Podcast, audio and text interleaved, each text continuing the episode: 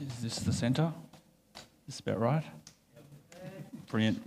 Okay, it's good to be here. Sorry for the circumstances, but it's great to. Uh, last time I was here was Quack, so it was uh, very loud and exciting. I just want to spend a few moments uh, setting the scene. Sir John Glubb uh, wrote an essay on the fate of empires, and he concluded that empires last around 250 years or 10 generations from the early pioneers to the final noticeable consumers who become a burden on the state. And he notices six phases for an empire. The first one's a pioneering phase, then there's an age of conquest, then an age of commerce, then an age of affluence. After an age of affluence, everything seems pretty peaceful. So we've got time to stop and think. There's an age of intellect. And then after that, there's the final age before an empire crumbles. And it doesn't happen overnight, it uh, sort of just fizzles out. Sometimes it's pretty abrupt, but uh, it's the age of decadence.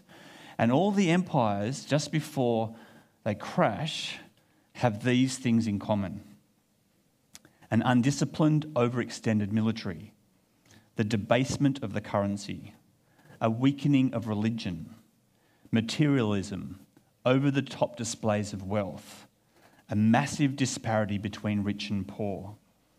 Get this celebrities are chefs. Sports stars are paid exorbitant amounts of money. There's a chariot, charioteer in Rome that was like on the equivalent billions. Uh, and there's an obsession with sex.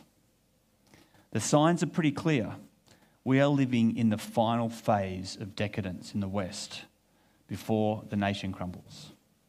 Now, I want you to imagine a superpower in our Pacific region has done some pioneering.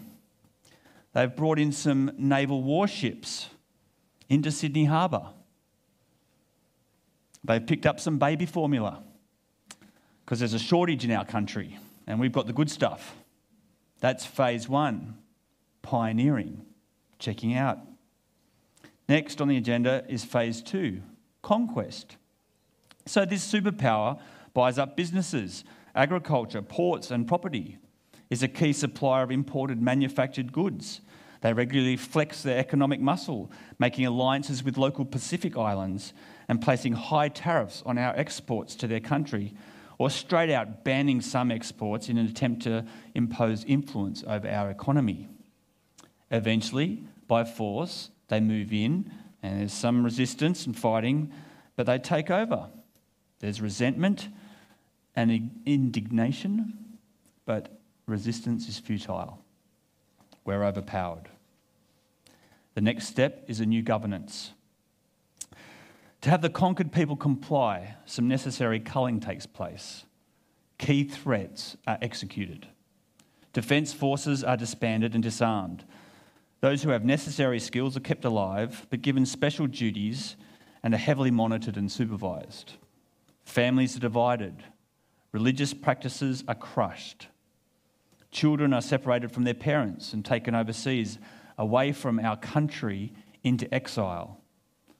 Then forced into labour camps in provinces on the outskirts of this superpower. Those surviving back here are forced into labour with the threat of something happening to your family members who are in custody overseas if you don't comply. Can you imagine what that would be like?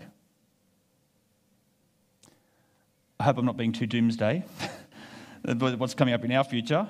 But I'm trying to set the scene here for what it must have been like for God's people leading up to the time of Ezra. Some quick background. Centuries previous, God's people had inherited the promised land, and under King David and King Solomon, peace was established, and Israel prospered and was blessed. Then the kingdom split 10 tribes to the north, two tribes to the south. And what follows is 400 years of spiritual decline as God's people fluctuate between bouts of reform and really they spend more time spiraling into disobedience. They worshipped idols, they practiced immorality, hardened their hearts, assimilated with the practices of foreign nations, and they did evil in the sight of the Lord. So God gave his hands, over hands of his people over to his enemies. In 722 BC, the Assyrians come in and take the northern kingdom. And in 586 BC, the Babylonians come in. They conquer the south, destroying the walls of Jerusalem, destroying the temple, and removing the Ark of the Covenant, which we remember is the symbol of God's presence amongst his people. People were killed, separated from loved ones, deported and resettled, exiled to Babylon. Can you imagine how devastated you'd be if something like that took place in our lifetime? Now, exile didn't happen overnight. Like a lot of unaddressed sin in our own lives, it was a slow burn over the centuries. God shows grace and doesn't pounce on every slip up, unlike the secular view that God is ready to just jump every time we make a mistake. We know from Psalm 103 that the Lord is compassionate and gracious, slow to anger, and just abounding in love. But eventually, God's people found themselves in exile, and this should come as no surprise. They were sent prophets. They could read in the scriptures if you're obedient, you'll be blessed. If you're disobedient, you'll be cursed. And so we have here, I've cut and paste some of Deuteronomy 28, which is the blessings and curses. And so this is actually quite a long chapter. I'm just pointing out a few things here. If you fully obey the Lord your God and carefully follow all his commands I give you today, the Lord your God will set you high above all the nations on earth. All these blessings will come on you and accompany you if you obey the Lord your God. And then it rattles off all these blessings. However, if you do not obey the Lord your God and do not carefully follow all his commands and decrees that I'm giving you today, all these curses will come on you and overtake you. And then a whole heap of rattled off, but I'm picking out ones to do with the exile. The Lord will drive you and the king you set over you to a nation unknown to you or your ancestors. The Lord will bring a nation against you from far away, from the ends of the earth. They will lay siege to all the cities throughout your land until the high fortified walls in which you trust fall down. Then the Lord will scatter you among all the nations, from one end of the earth to the other. So, after years of apostasy, God says, Enough's enough. Enough is enough. So, we find Ezra at this time in Israel, Israel's history where everything has gone pear shaped and they've rebuilt their lives and actually been in exile now 50 years. And as with all earthly kingdoms, it's interesting uh, as they rise and fall, they don't all last forever. So while in exile, the Babylonians are actually conquered by the Persians. It's now the Persian Empire. They've been taken over. So it's under this new regime of King Cyrus that we begin Ezra 1. In this book of Ezra, we're going to see account of the Jews regathering and living by God's word. We're going to see their struggle to survive and to rebuild what had been destroyed. It's a story of new beginnings after a long period of disruption. Through this narrative, Ezra calls God's people uh, to obedience, to take faith steps for those who are willing to return, and he declares, You're still God's people. God hasn't forgotten you. Ezra 1. In the first year of King of Cyrus, king of Persia, in order to fulfill the word of the Lord spoken by Jeremiah, the Lord moved the heart of Cyrus, king of Persia, to make a proclamation throughout his realm and also to put it in writing. This is what Cyrus, king of Persia, says The Lord, the God of heaven, has given me all the kingdoms of the earth and has appointed me to build a temple for him at Jerusalem in Judah. Any of his people among you may go up to Jerusalem in Judah and build the temple of the Lord, the God of Israel the God who is in Jerusalem, and may their God be with them. It's an interesting term of phrase. Cyrus knew about the Lord and referred to him by name in verse 2, but like many in his time, he thought that different gods wielded power in different areas. And that's why he referred to the Lord as the God who's in Jerusalem, because that's where he does his thing over there. So, what I want us to notice is that even though Cyrus did not know or worship the living God, God can stir the hearts of those who don't know him. Because God is sovereign, He's sovereign of all. And given God can even work his purposes through unbelievers, it's a good reminder for us to pray for our leaders. Prime Minister Anthony Albanese, Premier Dominic Perrottet, uh, King Charles. Whether they have faith or not, we need to pray for them and that God will use them. We also need to remember in our current uh, generation of success driven Christian schools and churches that we'd like to set key performance indicators and how, how successful we are in attendance or people being saved.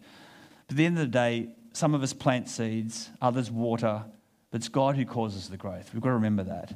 He is sovereign. And unless the Lord builds the house, we're all going to labour in vain. So, Ezra 1, we're told that God stirred the heart of King Cyrus to make a proclamation to send the exiles home to rebuild the house of the Lord for their God. Here we have a new king, and he has a new policy, and he doesn't waste any time in implementing it in his first year, including providing for the uh, temple with all the silver and the gold articles. And this actually fulfills a prophecy from Jeremiah 29 that the exiles will return one day. Now, this is unlike the Babylonian kings who sought to crush their enemies by suppressing their faith uh, and uh, after they'd been conquered. So, after the Babylonians relocated people, they sought to weaken distinctive faiths to make them compliant, hoping to bring stability to the kingdom. Think of Daniel and his friends. There are attempts to force them to assimilate, so they're given pagan names. Daniel is named Belshazzar, and you've got you would think there's Shadrach, Meshach, and Abednego, right? But it's Hananiah, Mishael, and Azariah. And their names are to do with loving God. These ones are pagan names to do with pagan gods. So they're given new names. This will change them. They're offered foreign foods, which they refuse. They're ordered to bow down to foreign idols, which again, three of them are thrown into a furnace. See, the problem with the Babylonians' method is it doesn't work. Attempts to repress various faith traditions produced enormous resentment amongst Babylon, uh, against, uh, against Babylon, and it gave rise to the heroes of the faith like Daniel and his crew. They became more courageous, more resolute, prepared to even die rather than deny their faith in the living God. So here we have Cyrus. He comes to power and he's going to pursue an entirely different path. Cyrus believed practicing your own religion would lead to greater stability, harmony, and social cohesion in the empire. Didn't work for the Babylonians, so I'm going to try something completely different. What a breathtaking change. Suddenly, God's exiled people can go home. They can return to the promised land. Ezra is the story of a new beginning. Ezra is the story of a new passion after a long period of discouragement. Look at verse 5. Then the family heads of Judah and Benjamin and the priests and Levites, everyone whose heart God had moved, prepared to go up and build the house of the Lord in Jerusalem. In this series, we're going to follow the story of God's people returning to Jerusalem under the leadership of Ezra. And Ezra was of the priestly descent of Aaron, Moses' brother. But behind that story, there really is a deeper story about a rising and a falling of the level of spiritual life among God's people. Think about the tide of the ocean going out and coming in. And think about this for us now. In the same way, there are times when the level of spiritual life among God's people, even today, uh, God's people rises, and there's times when the level of spiritual life among God's people goes into decline. Not sure where you're at at the moment. There are times when God seems to be nearer and times when God seems to be far away. There are times when his blessings are obvious and times when it's hard to figure out what's going on, God? I don't know what's, what's happening here. And we see this falling and rising of spiritual life all, all the way through the Bible. When the times are good, we want them to keep on rolling. When it's bad, God's people cry out and think of the lament, which is actually to do with their time in exile in Psalm 137. Could sing it, don't know if I'm going to go there, but by the rivers of Babylon. Yep. This is the, the Bible. It's not just some hip song from there. We sat down and wept when we remembered, when we remembered Zion, Jerusalem. They're, they're weeping. They want restoration. They want renewal, renewal, refreshment, their faith to be revived with an infusion of joy. Do we need an infusion in our spiritual life? Professor Robert Coleman has said, For many good people, even within the church, life has lost its meaning. There is no sparkle in the eye, no spring in the step. And as the religious community flounders in mediocrity, the world plunges deeper into sin. I wonder if that resonates with you. No sparkle, no spring, mediocre faith, the world slipping and sliding deeper into sin. We need a new spiritual awakening. We need a fresh outpouring of faith and hope and love. Renewed love for God, renewed love for each other, a fresh infusion of energy, a renewed sense of purpose and calling. This is exactly what we have in this book of Ezra a new spiritual movement, an infusion of life as God stirred the hearts of his people, and those who were stirred had a new passion. What God did for them, he is able to do for us today. So, this book of Ezra is the story of a new beginning after a long period of disruption. It's the story of new passion after a long period of discouragement. And this book speaks to us with a new challenge. Verse 5 God stirred the hearts of some of his people to go home. And then he leveraged a pagan monarch, Cyrus, to initiate the move. You can imagine for some, this would be pretty exciting, but can you imagine for some, it'd be pretty daunting? There's at least one generation that has died out. There's at least two generations that have been born. So all they know is Babylon. Babylon is their home. And suddenly they're being invited to leave all they've built and begin, begin it's a new life for them, a new life in the ruined city of Jerusalem. It's not thriving, it is ruined. Babylon was safe. Returning to Jerusalem would be a faith step. It would be risky, but they'd need to trust God. Ezra 2:64 if you look over the page we see the number 42,360 plus servants and singers making the community around 50,000 people who returned to the rubble of Jerusalem. That's not everyone. Old Testament scholar Walt Kaiser estimates that this number may represent one in six of all of God's people in Babylon.